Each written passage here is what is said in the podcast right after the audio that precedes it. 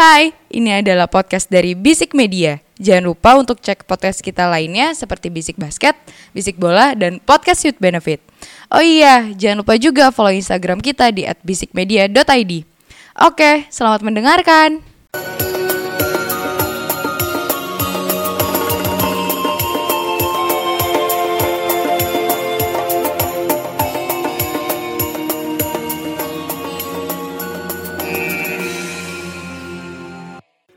Bisik bola.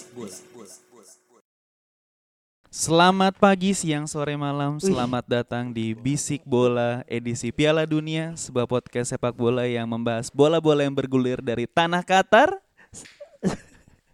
sampai ke final yang sangat tidak ideal. Ideal dong. Kita bahas secara Secara settingan FIFA biar Messi juara. Wow. Tapi tidak alergi Tapi terlalu mereka- PSG ini. Tapi mereka alergi bang. Apa? Tidak mau Islam juara. Oh, tidak ada aji, tidak ada border bangsa. Aduh, Tidak ada border. sejujurnya saya takut ini. Enggak, enggak, enggak, aman, aman. Oke, kita langsung masuk ke pembahasan Sorry, aja.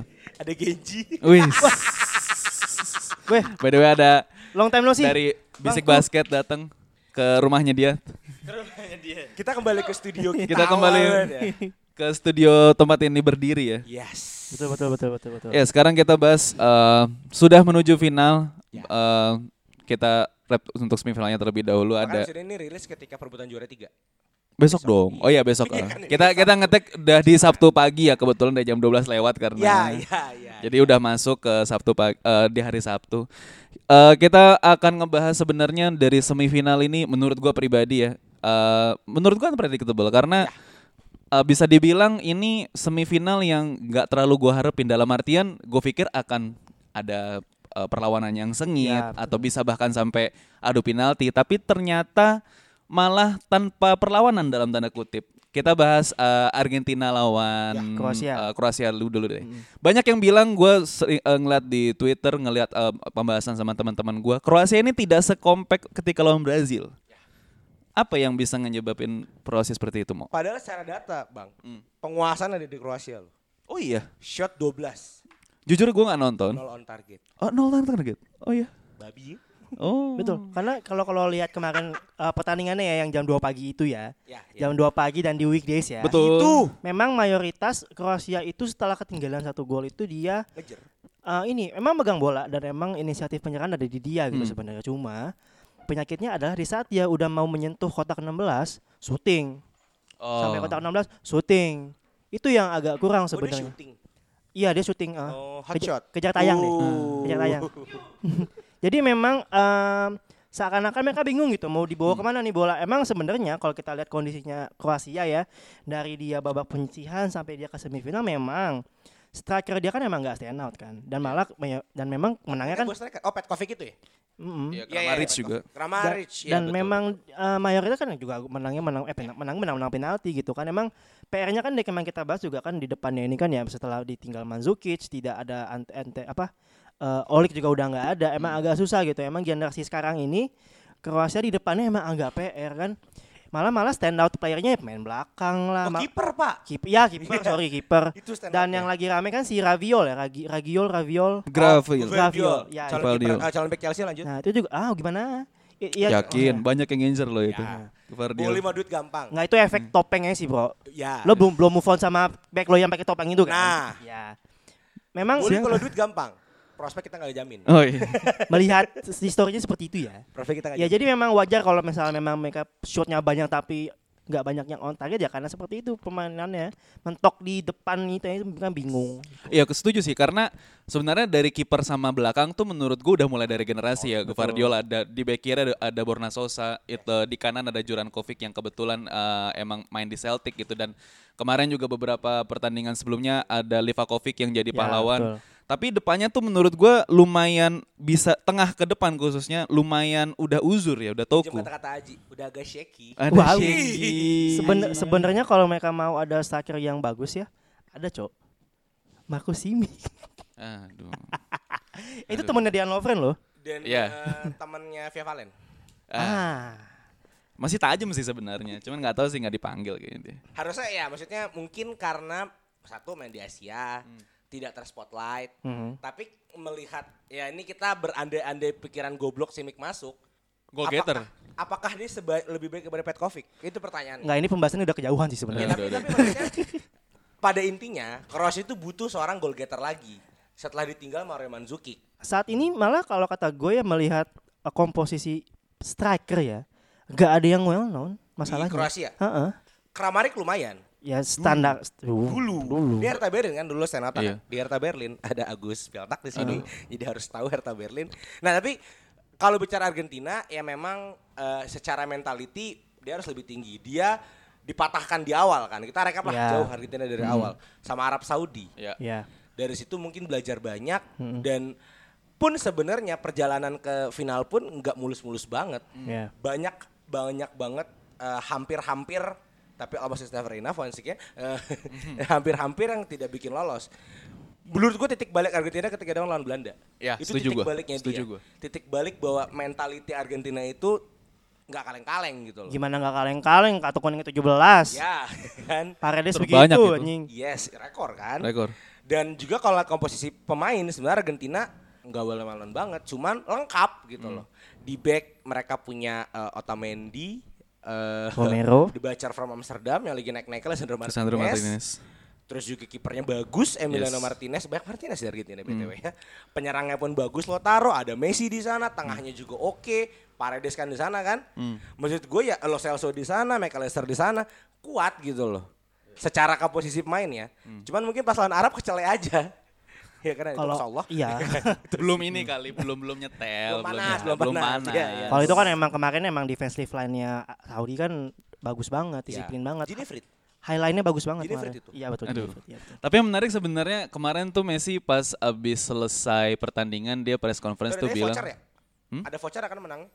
Ada penalti. oh ya penalti ada. Voucher. Cuman em, eh, gua gua menarik eh, Messi bilang eh, dia ditanya sama wartawannya menurut lo dari eh, pemain Argentina yang eh, tadi main tuh siapa yang pemain terbaik? Dia bilang eh, semua pemain bermain baik tapi kalau gua harus milih, gua memilih Julian Alvarez. Nah, ini menurut gua dengan potensi dia ya kemarin di Piala Dunia terus dia di klub hanya sebagai jadi bangku cadangannya Halan, menurut gua agak sayang sih.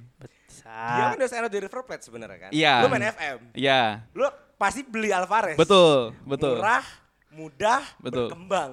Yes. Sekarang tantangan ada pemain 22 tahun, eh 21 atau 22 sih Halan, gue lupa deh. Ya segituan lah. Masih segi- masih dua- masih muda. Dan panen poin Banget. panen poin di FPL Betul, kan. betul. Jadi Hampir jadi, jadi Guardiola 70% serba tuh. salah. Raisa dia di sana. Paling kalau kalau kita ngomongin Alvarez ya memang kalau di Argentina malah sebenarnya malah tidak spesial-spesial banget kalau kata gua. Tapi emang dia kan muncul aja tiba-tiba muncul. Gol-gol itu gol-gol begitu, Bro. Empat, empat gol ya berarti ya so far ya. 4 gol. Debut season 4 gol di Piala Dunia menurut gua udah keren banget sih. Nah, Tapi kan emang secara posisi dia se sepa analis gembel gue ya, Hmm. nggak seperti yang Guardiola butuh. Bukan tipe menurut gue ya, Hmm. dia kayak Jesus bang, ngelebar. Iya, iya.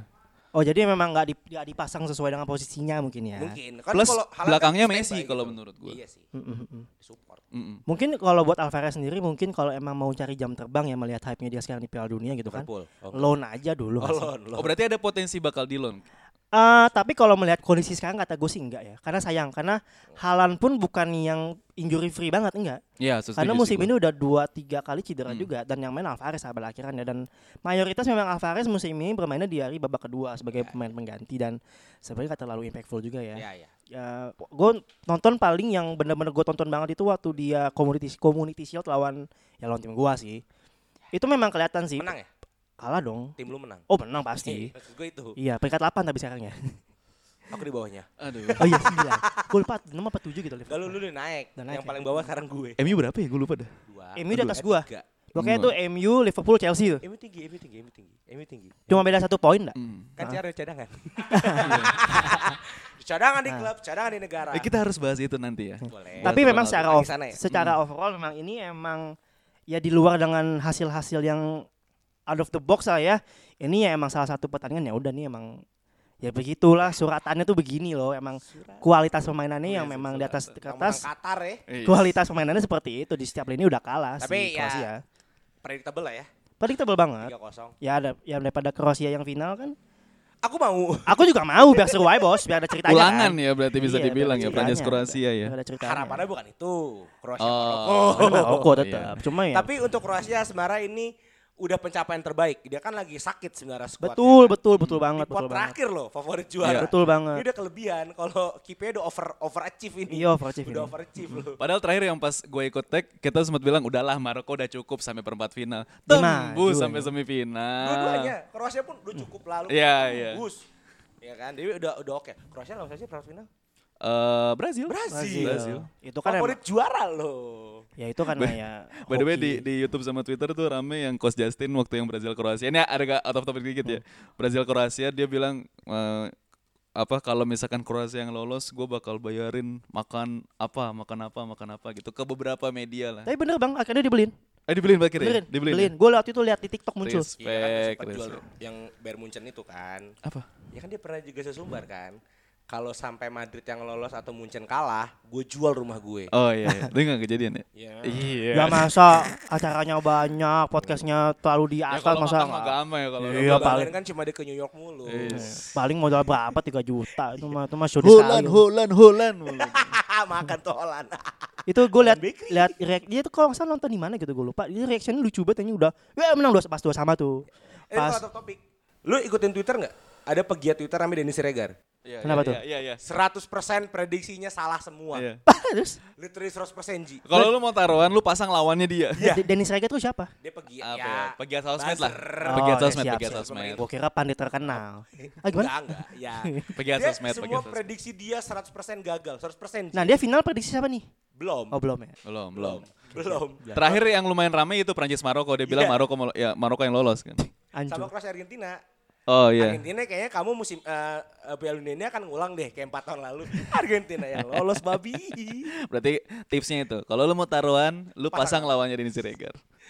Kita masuk ke eh, semifinal yang kedua Prancis lawan Maroko yang di mana Heartbreak gol cepet. Yes. Gua kayaknya ngeliat Bono belum siap kayaknya dengan serangan itu. Kayak kalau menurut gua kalau dia siap harusnya sih bisa bisa sih untuk ngalo. Dan balik lagi dalam tanda kutip tanpa perlawanan kalau menurut gua. Ya semifinal ini ya karena tanpa perlawanan dalam artian ya lawannya nggak bisa golin gitu loh. Ini lo inget kayak c- fin- semifinal champion eh, Lyon yang eh, apa kontestannya ya. Lyon, Leipzig, Munchen, PSG. Oh iya iya. Ketebak. Iya iya. Ingat gak? Yang Iya iya Munchen iya, PSG. Munchen PSG. Ya itu eh, maksud gue eh Prancis dengan ya apa ya, gue nggak tahu sih. Menurut gue final dua kali di kesempatan dua Piala Dunia menurut gue Dengan squad berbeda. jarang dengan squad yang ya bisa dibilang eh, campur lah kalau yang sekarang gitu. By the way ya gol keduanya tuh gue suka banget dari eh, Frankfurt Kolomwani dan Iya. eh, apa namanya Saya sedih lo bang. Ya makanya itu Iya, cerita, iya, iya. cerita ceritanya tuh lumayan lumayan sedih lah gitu. Bahkan dia sampai umur di umur berapa gitu dia udah nyerah. Sampai akhirnya dia bisa bertahan dari Nantes terus Yes, dibeli Nantes. ke ke Frankfurt akhirnya bisa masuk ke Piala Dunia. Terima kasih untuk Kunku yang cedera karena dia dipanggil akhirnya. Tapi Januari akan masuk Chelsea. Betul. Aduh. Ada Don deal. Gimana gimana gimana? Kalau dari Prancis Maroko mau? Eh, heartbreak story sih buat gue. Hmm. Karena gue eh, karbitan Maroko banget. Gue Iya. rela bela-belain nonton besok kerja demi Maroko. Hmm. Karena ya selain sentimen Hmm. Ya. keyakinanku, Ya. tapi bahwa gue sangat suka cerita kuda hitam. Hmm. Gue sangat suka cerita Ajax di champion. Gue suka Leipzig di champion waktu semifinal. Iya. Dan gue nemu Maroko di sini kan. Bahwa squad ini semuanya underrated. Sebenarnya gak underrated banget sih. Kalau dilihat bintangnya juga banyak. Banyak, sebenarnya. banyak, banyak. Sebenarnya gitu kan. Cuman underrated. Dia nyetak rekor eh, Afrika pertama yang ke semifinal. Karena gue di 2006 udah sentimental banget ya. Gue pertama nonton Piala Dunia tuh gue jagoin pasti negara Afrika. Pantai Gading. Pantai Gading. Terus Ghana. Baru sekarang aja Inggris. Babi kok pulang Inggris bang. Iya. Coming home, coming home. Main mau yang coming home ya kan.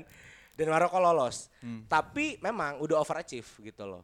Jadi gua kan nonton matchnya. Hmm. Sorry Iya. kalau jam dong gak kuat. Of course. Food pop aja. Semua pandit pro di sini emang gak ada yang nonton. Tidak ada. Anda Anda. Kerjanya sore. Di sini ada Ramzi guys BTW. Kami tidak mau mengorbankan jam tidur kami. Nah, daripada nanti buka laptop mata pedes, Eh. mending buka food mob, nonton YouTube ulangan. Betul. Ya kan? Tapi pokoknya untuk Maroko, maaf. Pokoknya kalau di video.com kalau melihat lengkapnya ada mini match tuh ada. Iya. Oh iya. Itu biasanya 8, 8 menit ke 9 menit tuh. Aku lupa. Karena kalau yang baru-baru upload cuma satu menit, anjing Iya, cuma gol doang, golnya doang. bete banget gue. Itu pun replaynya sekali. Makanya. Itu doang. Apa yang mau kita bahas dari replay kayak gini? muasabah kalau video. Nah, Tapi bagusan video daripada eh, yang tahun lalu buat Liga Inggris lanjut yuk. Eh, Ya. Alom, alom. Halo. Halo. Bos orang keras bos yang punya. ya kan? Ya kan? Nah, tapi buat gue emang udah overachieve. Hmm. Yang gue suka adalah eh, di setiap Piala Dunia akan ada pemain-pemain baru Hmm. yang harganya mahal. Hames. Hot commodity-nya tahun ini adalah Amrabat. Menurut, menurut gue. Ya, Amrabat hot By the way di eh, gue ngeliat di update-nya extra time di Mar- eh, yang ngomong di Marzio nih kebetulan. Amrabat diincer Liverpool katanya. Iya betul Iya. Januari rencananya. Januari ya. Harganya nggak terlalu mahal sih sebenarnya. Sebenarnya kan harga dasarnya kan 20 ya. Nah, setelah Sorry dia umur berapa sih? 26. 26. Oh masih hitungannya muda Lagi ya. emas. Lagi emas. Lagi emas mas. Ya, gue lihat Aljazair. Boval, Boval, Buffal, Boval. Tuh, Buffal Udah lumayan tua. tahu. Angers kalau nggak salah dia klubnya. Rangers, Ah. Hmm. Cuma emang nggak semeledak uh, Amrabat karena kan emang dari babak ke-16 ke sini juga kan yang paling ke spotlight kan defensive line uh, Maroko kan emang bersih-bersih banget nih Amrabat. Dia tuh di Fiorentina itu sebenarnya harga base itu sekitar 20 Itali. Itali. Ya, se- sebelum Piala Dunia ya. Tapi setelah Piala naik ke 40, 50, 60 masih Hmm. masih bel- kebeli lah 60 mah. Hari Senin harga naik ya. Hmm, Piala. Pemain-pemain ini. Harga naik. Terima kasih film November. Nggak semeledak Bellingham sih tapi harganya tetap. Ya, itu Bellingham mah. coba. Base-nya juga mahal. Siapa sorry? Bellingham. Bellingham. Oh, Bellingham. Ya kan? Cuman Nomor 8 dari Liverpool kan ya? bahkan banyak akan banyak pemain-pemain babi ya kan? banyak pemain-pemain yang akan punya tempat baru kemungkinan di Januari Mungkin. Bisa bahkan Hmm. Yasin Bono kandidat kuat ganti Neuer bang Oh iya. kandidat kuat Karena kebetulan Neuer abis cedera, lagi cedera Iya. nih, abis main ski, lagu-laguan. pulang cepet kan iya, pulang cepet selesai liburan cedera. Tapi ya sebenarnya ya di pertandingan kemarin ya Prancis Maroko sebenarnya ada sisi yang bisa di, eh, dipakai sama Maroko buat nyerang ke Prancis dan itu sebenarnya udah kelihatan dari babak 16 besar. Hmm. Dan ini udah pernah kita bahas dengan masalahnya Mbappe yang nggak mau turun. Itu PR banget, Cok. Asli itu sempat ke gap akhirnya si Prancis itu masukin Turam. hmm, Untuk- rampok Iya. Marcus Thuram. Marcus Thuram untuk me- menetralisir ini Iya. dan dan untungnya bekerja ya. Hmm. Nah itu yang sebenarnya nanti lah buat buat uh, reviewnya Final. preview, previewnya final mungkin sisi itu yang bisa dikejar sama. tapi yang gue suka sebenarnya adalah role baru Griezmann di Prancis Griezmann itu kan mainnya agak mundur sekarang IMF Hmm. dia kan di 2018 itu Sayap SS, kiri. second striker Oh iya, second striker. second striker kan sekarang dimundurin lagi jadi IMF Hmm. dan kelihatan memang eh, nyawa nyawa operannya itu Griezmann dengan Griezmann di IMF Giroud punya ruang buat cetak gol Iya. golin loh dia Betul. Tidak seperti empat tahun yang lalu ya. nol gol Nol gol. Sebenarnya kan final Griezmann itu kan kelihat- gitu. kelihatan bolanya ke dia kan karena waktu lawan Inggris sebenarnya kan. Ya. Karena emang Mbappe yang agak ketat banget nih sama Kyle Walker nih. Ya. Makanya bolanya ke kanan dan Griezmann emang agak lebih leluasa lah dan kemungkinan dan kebetulan emang Giroud lagi kayak lagi bagus-bagus ya. Di, dia di- lebih berani salto Ji emang gue benci ngeliat Giroud sakit takut hati ya. patah tulang Dia umur segini masih berani-beraninya kayak begitu ya. gue inget yang lawan Marok lawan lu gue lupa deh lawan siapa ya Yang mana? Semi, eh, perempat final Inggris. ini Inggris. Inggris Inggris. berani salto bangsat Oh iya. berani salto eh apa namanya besar ya gue lupa deh berani salto Hmm. Giroud ente udah tua ya kan tapi gue tetap di- eh, gue berharap karena gue suka Maroko cetak rekor Hmm. gue juga pengen Prancis cetak rekor back to back, Back to back ya. terakhir itu Itali Oh pernah ya? Eh, It- Itali Itali bang Itali eh Brazil eh Itali Itali Itali Itali Brazil gue lupa deh Ya pokoknya tahun-tahun lama lah ya, Bos. 25 tahun yang 25 tahun ke atas yang lalu Oh. Iya kan? Karena kenapa? Prancis ini eh, proyeknya itu kan jalan ketika dia hancur 2010. Iya. Itu hancur kehancuran Prancis tuh. Sampai Gignac 2002 bahkan kalau menurut gua kalau mau Ya. ditarik lebih belakang ya karena ya se- Bahkan 2006 setelah juara final. Oh iya iya, Iya 2006 kan? Agak naik. Agak naik. Di 2010 hancur. Hmm. Dia punya project. Salah satu projectnya adalah kalian Mbappe. Hmm. Adrian Rabiot itu projectnya si Triple F. Hmm. Ya kan kebukti kan? Iya. Dua final ya belum tahu juara apa enggak. Dan eh, sekuat itu regenerasinya. Walaupun nanti final kemungkinan ada force major yang bikin mereka agak turun. Prancis. Ya, Kayak gue tahu deh CV apa. virus. Virus dari AC Oh, iya. katanya. Dan Flu unta, flu unta Iya katanya. mers bang, Iya. nggak divaksin bangsa. Ah, Anda nggak pernah naik haji sih. itu kan vaksin wajib haji. betul betul betul. Iya kan? Cuman tetap besar harapan gue back to back Perancis Hmm. dan eh, apa yang semakin bikin sentimental, ini Mono melankolis banget ya. Deschamps kan ngangkat 98. Yes. Be- Deschamps ngangkat 20 tahun kemudian dan Deschamps nyetak rek- nyetak rekor sebagai pelatih yang back to back dari Hmm. Perancis. Wah ini bangga banget sih orang Perancis. Tapi sedikit gue pengen pengen bahas Maroko sih Ya sebenarnya. ya ya ya. ya. Eh, menurut gua di beberapa Piala Dunia ke belakang kita kita sering lihat lah ada beberapa eh, negara-negara yang jadi kuda hitam gitu ya. 2002 ada Korea Selatan Turki ya walaupun Korea Selatan banyak kontroversi di tahun Betul. itu. Ya, kuda hitam. Anjungan, Anjungan. Turki lah bisa dibilang Turki. ya. Tur- Ya. Turkinya menurut gue yang, yang kuda hitam. Nama kipernya gue lupa. Rustu Rekber. Hah? Rustu Rekber. Rustu, Rustu Rustu, Rekber. Rustu. Sansa, Sakan Syukur. Hasan Syukur. Yang sekarang dibuang dari Amerika. Aduh. Oh iya benar. Dibuang ke oh iya Amerika. benar benar benar. Karena musuh Erdogan. Terus sempat 2000 berapa ya? 2006 siapa Kayaknya ya? nggak ada. Enggak, 2010 mungkin menurut gua Ghana sih Ghana. eh, kuda hitam ya dengan eh, kontroversinya Luis Suarez saat itu. Cuman dari Turki ya bisa disebut Korea Selatan juga, terus juga Ghana kayaknya nggak ada pemain yang spesial gitu loh. Nggak ada pemain yang bisa eh, apa ya? 2010 Ghana. Yang spesial. Ya maksud gua nggak Eh, Sien. Enggak lah, semojian, semojian lah. semogian. Tapi mentok. Tapi maksud gue beda sama Maroko sekarang Ya, ya, gitu ya. loh. Maksud gue di semua lini itu juga eh, punya pemain yang yang jadi bintang di klubnya gitu loh. Hmm. Dan jadi tumpuan juga ya Bono di Sevilla, Hakimi di PSG. Anda kenapa ketawa-ketawa? Nyebutnya nunggu disebut aja nih. Oh Hakim Itu Ziyech. gak bintang masalahnya. Oh, bukan bukan bintang, salah klub. Iya betul. Aku sepakat. Di Ajax jago Aku dia. nunggu nih. Aku sebut Zia enggak ya? Kan Zia kan mau dibuang. Emang niatnya mau gongnya di situ. Anda udah nebak duluan Iya, sih. iya, iya, iya. Coba itu maksud gua Maroko tuh apa ya? Beda dengan kuda hitam yang lainnya tuh karena karena apa ya? Punya Merata. Merata gitu loh dan di walaupun mungkin ya kayak Boval di Angels dan gua gua, gua ngeliat satu-satu pemainnya tuh emang bahkan di 50% bahkan 60% tuh pemainnya pemain eh, kompetisi Eropa Iya, gitu betul. loh. Tapi masih ada yang dari ini eh, Casablanca itu masih ada. Ada ada. Iya, masih Maksudnya ada. Bangga 60 70% lah gitu loh. Bangga lu. Ya Liga ya lokal. Casablanca bener. Anda main di Kuningan. di ini Maksudnya. Mantri. Oh masuk masuk terowongannya harus harus langsung tiga kali. Tin, tin, tin. Lanjut lanjut. Kita coba lanjut ke ini ya preview ya berarti ya dari Preview dari final. Eh, Argentina Prancis. Hmm. Ada ada ada apa istilahnya eh, bukan kontroversi apa istilahnya? Bobo settingan. Ya, ada Nah, bobo settingannya karena Piala Dunia ini dibuat di Qatar dan finalnya mempertemukan Messi Mbappe dan PSG kebetulan kan yang megang orang Qatar. Gitu. Qatar Iya. Airways. Ada, ya, kan ada Paredes di Airways. Argentina. Oh iya, betul. Mbappe. Sebenarnya akan lebih seru bang kalau Hmm. finalnya Brazil Prancis. Neymar kan yang beli Qatar di PSG. Qatar mulu. Intinya gini, intinya ya? gini sih kalau buat final ini ya, kalau atau gini. Ada All du- square gak tapi menurut lo?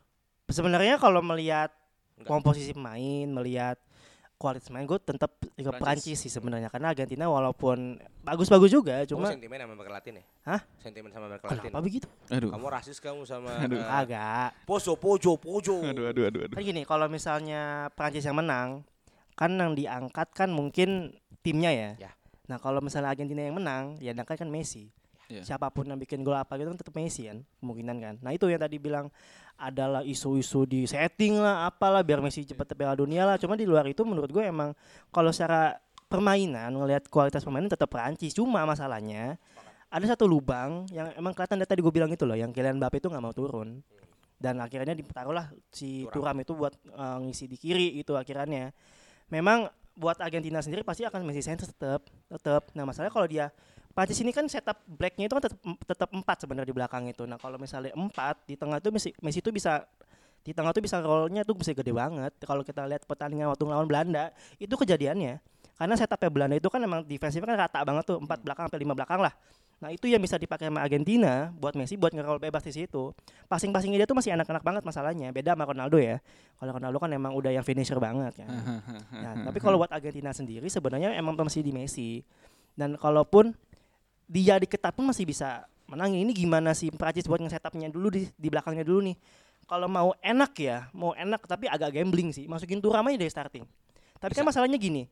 eh gue denger berita terakhir adalah dua backnya juga sakit kan. Farhan salah satunya. Lukas juga sakit. Farhan sakit, Eh, Ko- Lukas. Theo.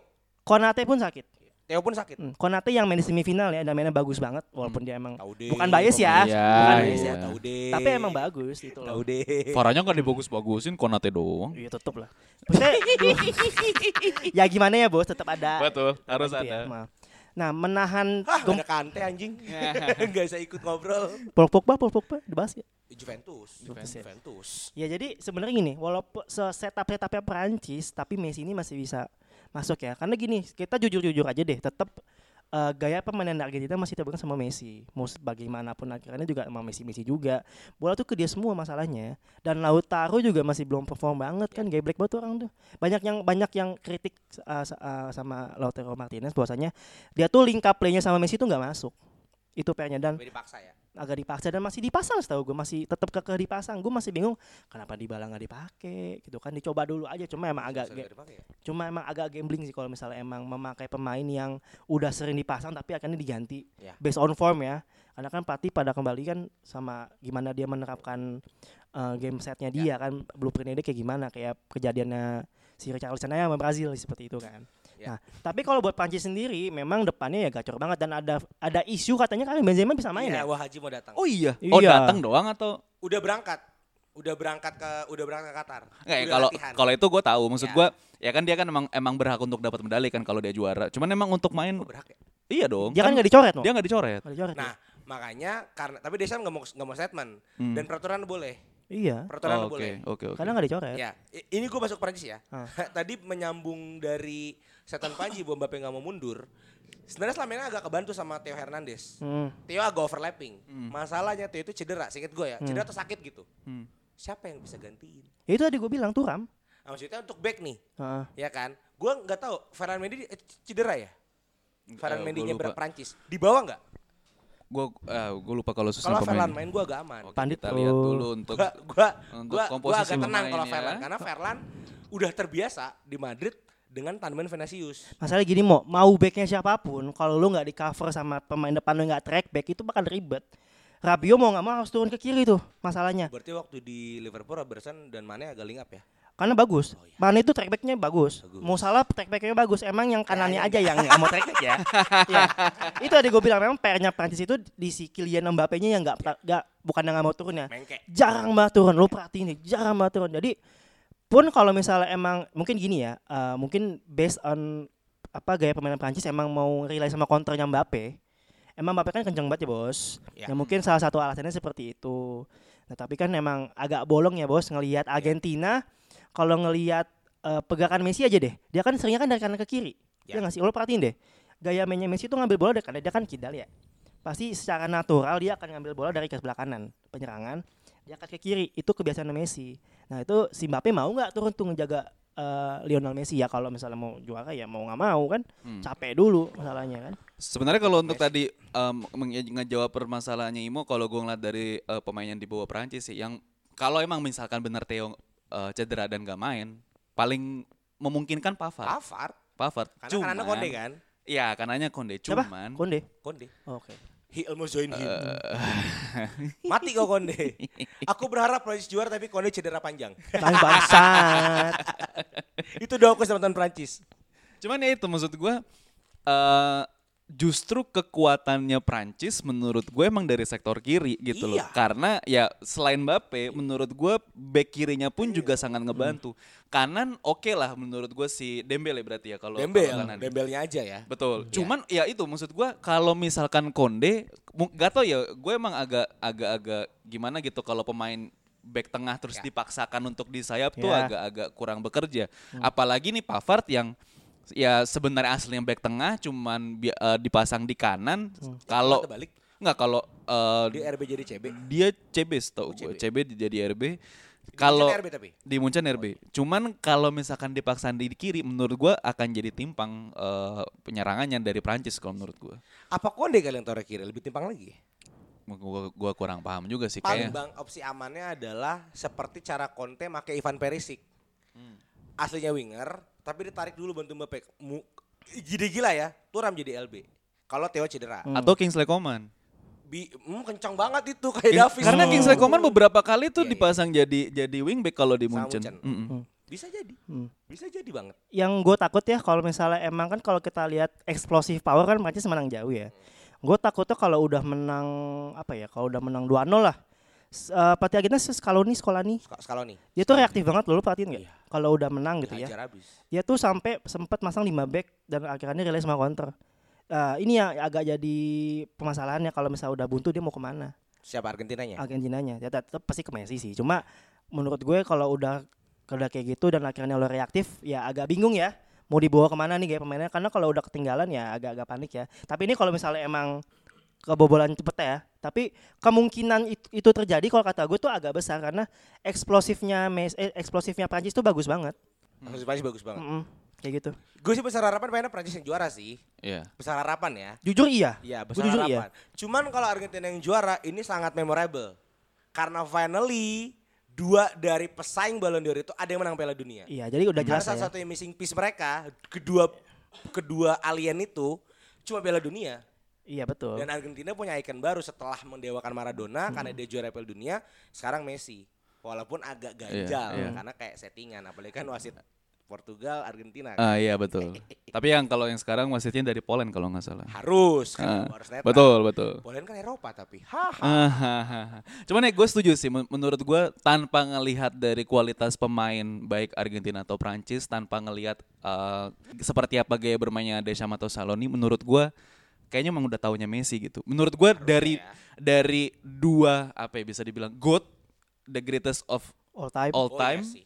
Harus ada pemenangnya kalau menurut gue. Tahun ini kancuran Ronaldo. Iya, Sangat. sangat. turun turun sangat. banget Ronaldo asli. Dari respect, dari skill semuanya turun. Itu kalau menurut gue ya emang emang harus ada pemenang dari dua yang terbaik ini gitu loh. Dan menurut gue ya kesempatan ini menurut gue harus jangan disia-siakan oleh Messi sih. Karena beda cerita kalau misalkan 2014 kemarin Argentina yang menang menurut gue ya ya kan udah sedih. Messi udah gitu. Iya. Kalau 14 yang menang Argentina kan lu Betul, sedih. betul. Terima kasih Shirley. Enggak dong Goze dong. Eh, Iya, tapi kan ngomongin Shirley. Oh iya benar. Tapi berarti lu kalau tahu video Twitter yang hits yang Satpam ngomong, tau gak teori Chelsea? Oh iya iya iya iya. iya. Bangsat itu. Iya iya iya. 2014 Chelsea membeli pemain Jerman nomor punggung 14, Andre Schürrle. Oke. Yang juara Jerman. Itu maksudnya yang Maroko juara gitu maksudnya. Ya, 18 Chelsea beli penyerang Prancis nomor punggung 18, Oliver Giroud. Ya. Oke. Juara Prancis. Heeh. Tahun ini Hah? Chelsea punya pemain Maroko nomor punggung 22 Zie. gue tawa bang. Si Sotoy. Dalam hati gue langsung emang cocok logi fans Chelsea. ya kayak lu kan. iya kan. Patah. Anjing. Hey, Jadi Bapak- generalisir apa fans Chelsea pada cocok logi anjing. Hei Bapak Satpam, udah jangan jadi pandit, saya aja. saya aja jadi pandit, sotoy. Anda dukun aja. Tapi kalau buat seru sih gue pengennya penalti ya. Wah Biar, panjang, biar seru aja bos. panjang. Seninnya masuk kerja masalahnya. Ya, ud- ya paling jam satu beres. Oh iya jam satu sih beres sih. Bos aku cuti kok. Cuti. Udah menuju tengah bulan akhir bulan agak santai lah menuju tahun baru. Tapi eh ini gue oh, bukan silakan. penalti justru Ji. Gue berharap banget kayak 2014. Langsung. Ujung extra Oh. time, Ujung extra time. cetak gol itu Iya. pecah. Iya, 2010 kan juga.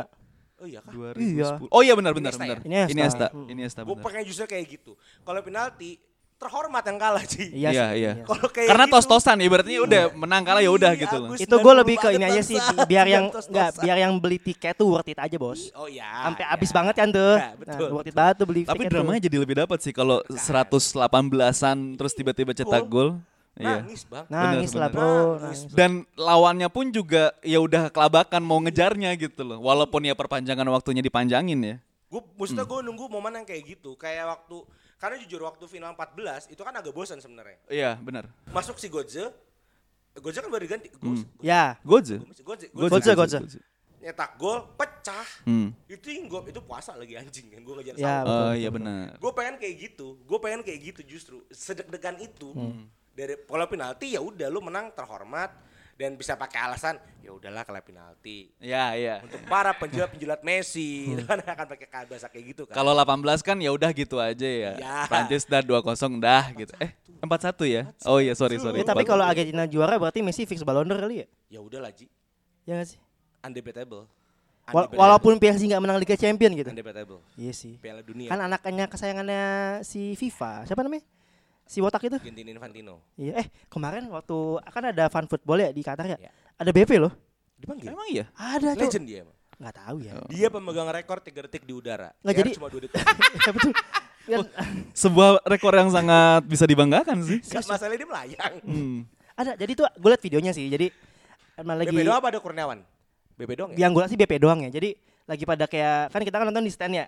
kan mereka datang ke tunnel kan terus kayak dada dada dada terus BP lewat pamungkas 20 Anjay. Warna putih gue gak ngerti itu dipanggil atas atas dasar apa tuh Legend. legend Kalau apa saya itu fan football legend deh. Lagi-lagi sepak bola deh.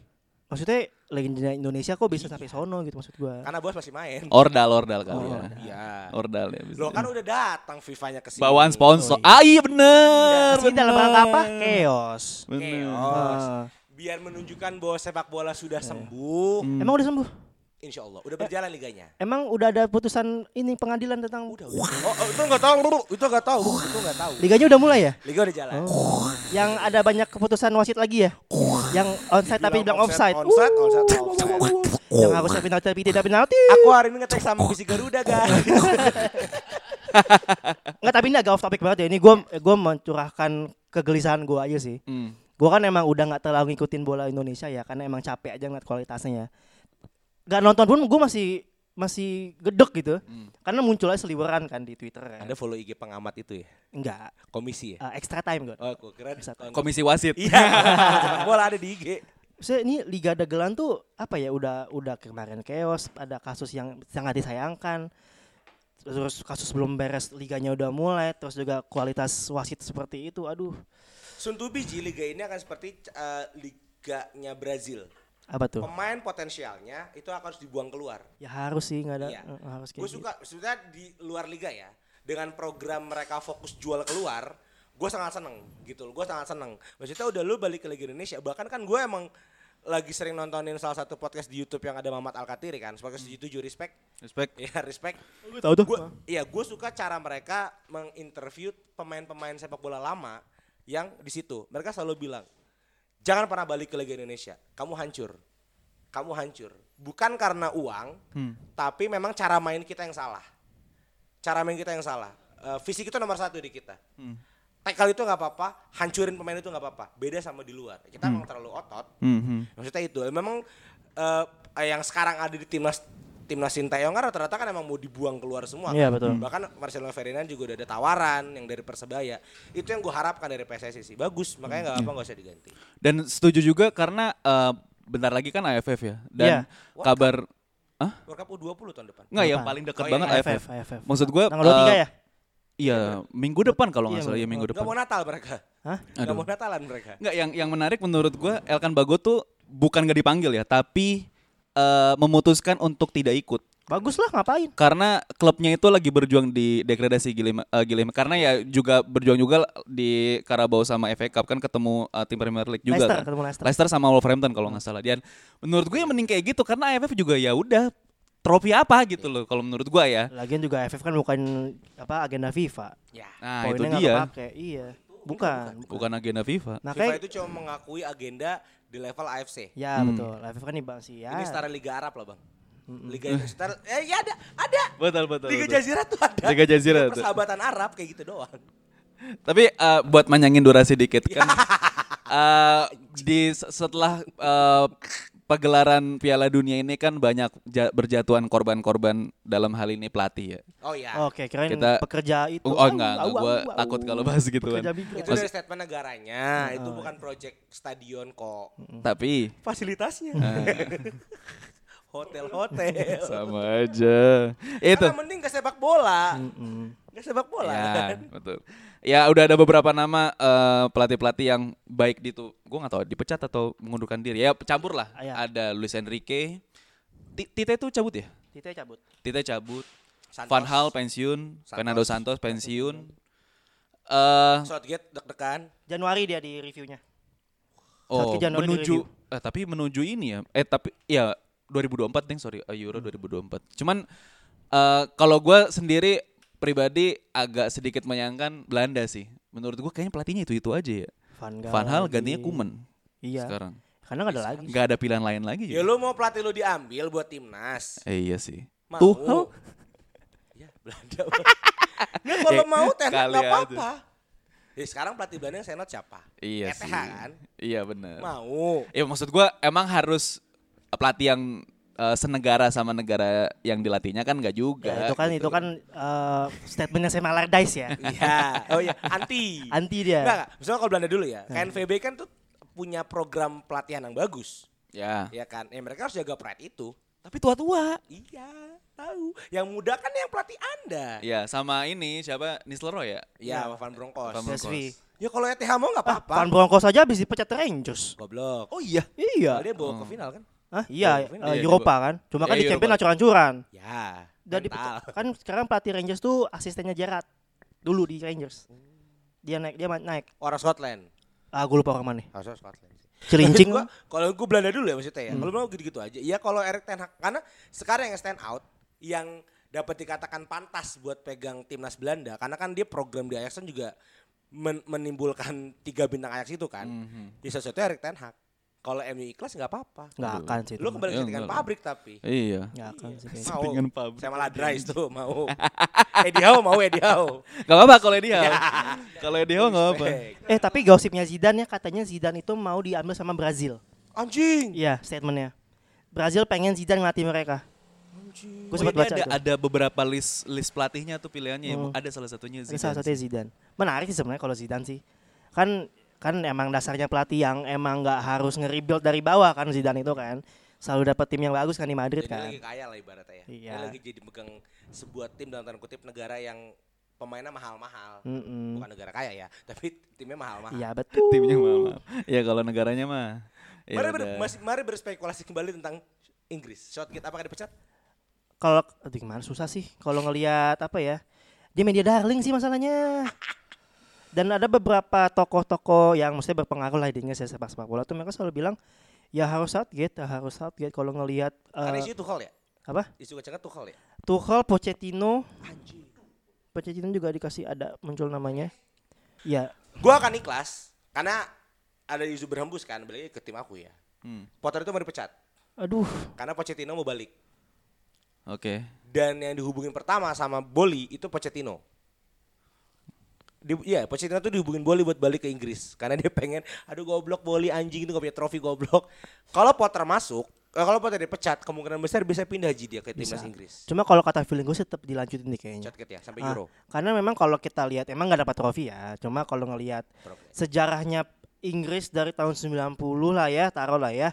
Yang emang paling nyatu ya di zamannya Southgate. Kalau dulu kan emang jotos-jotosan banget kan. Ya, 2006 tuh Sven Goran ya? Sven Goran Eriksson, terus ke. Steve McLaren nggak nggak lolos Capello. Euro. Capello karena pemainnya jelek-jelek aja sih waktu itu. 2010 ya? 2010. Terus baru masuk si Sam Allardyce sempat ya cuma satu pertandingan. Tapi satu 100% cok. Judi. Kita baru Southgate kan. Yes. Memang kalau ngelihat rekornya, ngelihat Ya, eh, ngeblend. harmonisasi pemain-pemain ini ya memang Southgate megang. Cuma gue pribadi emang gue dari dulu bilang gue nggak suka Southgate. Maaf ya, Mon nyogok Southgate dimainin mulu. Ngerusak skema. Nggak guna anjing tuh main bagus. rusak. Ada ikan. dari Tapi kan minggu lalu gue ngikut tag ya. Kan eh, waktu Prancis Inggris itu kan Inggris kata udah nyiapin strategi anti Mbappe. Jalan gak sih? Jalan mas. Jalan, Jalan. Jalan Tuh, Makanya Griezmann naik kan. Iya lagi anjing. Kami hanya fokus sama satu Mbappe. Dika lupa ada tiga pemain lain yang Iya, diserang. lupa dia. Nggak, tapi yang anjingnya tuh itu kan strategi ibaratnya untuk mematikan lawan ya. Kenapa di blow up ke media ya? Goblok banget. Ya, namanya juga Inggris medianya juga tolol. Yang penting kan fame. Kan logikanya lu strategi, ya namanya strategi jangan sampai diketahui lawan Betul. gitu loh. Mbappe-nya mati, Griezmann-nya jago anjing. Kalau Gua- Muani bisa golin. Gue lama-lama ngelihat media Inggris akhirnya sama kayak medianya Indonesia ya. Lo inget hype-nya Alfred Riedel 2010 nggak Piala AFF? Tuh lagi tinggi-tinggi banget. Ngeblow up tuh. ya? Hah? Ngeblow up taktik ya?